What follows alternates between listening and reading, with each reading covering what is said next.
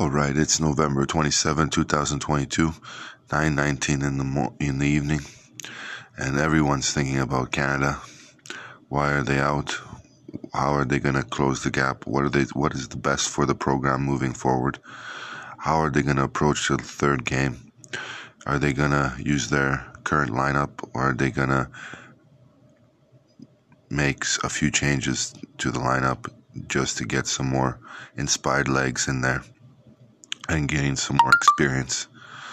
For now, we see that Canada has been trying to close the gap on their recent failures in the World Cups before. Canada has finally qualified for the first World Cup and will be a host in 2026. Therefore, there is a lot of opportunity here in, in the sport for the next four years, whether it's going to be in the CPL, whether it's going to be in the MLS, whether it's going to be in Europe. There is some hope um, for Canadians just to uh, get another foot into the door into some, some European clubs, some MLS clubs, and obviously some CPL um, clubs that will most likely have a more more impact it will have more impact on the Canadian men's national team in the coming years due to the fact that uh, the league will be growing. Um, what are we going to look forward to? It's yet to see.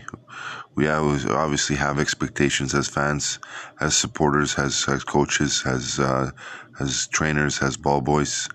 We want our country to do well. We want it to be a, a, a sport country just like Brazil. We want it just to be uh, a fearless World Cup.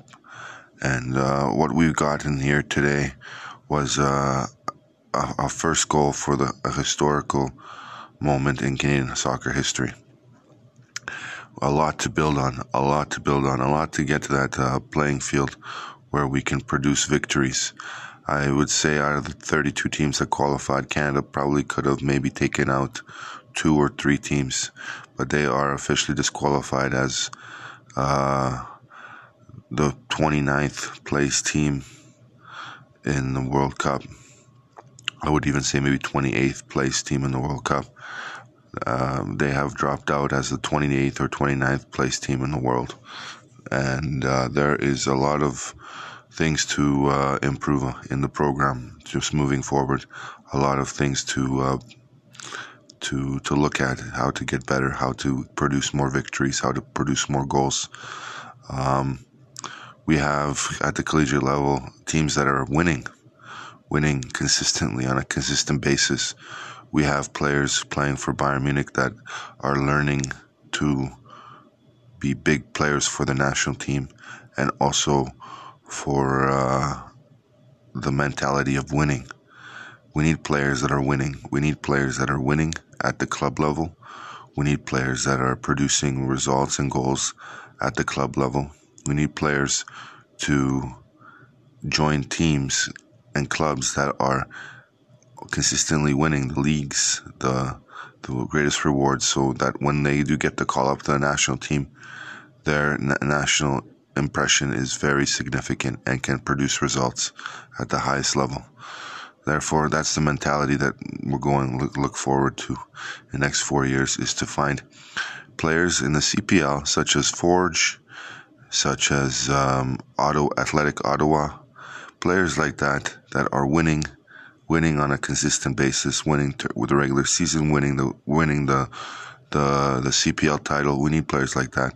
We need players like in the C, in the in the MLS that are participating in the MLS playoffs, but are also winning, winning. Whether it's the regular season, whether it's in the playoffs, they're winning. And in Europe as well, we need players like Davies at Bayern Munich. We need more players like that. Um, we have players like Buchanan, who's who's winning right now, and they're making significant contributions to the national team. That's how we're going to be closing the gap on uh, the next World Cup. Have a great day.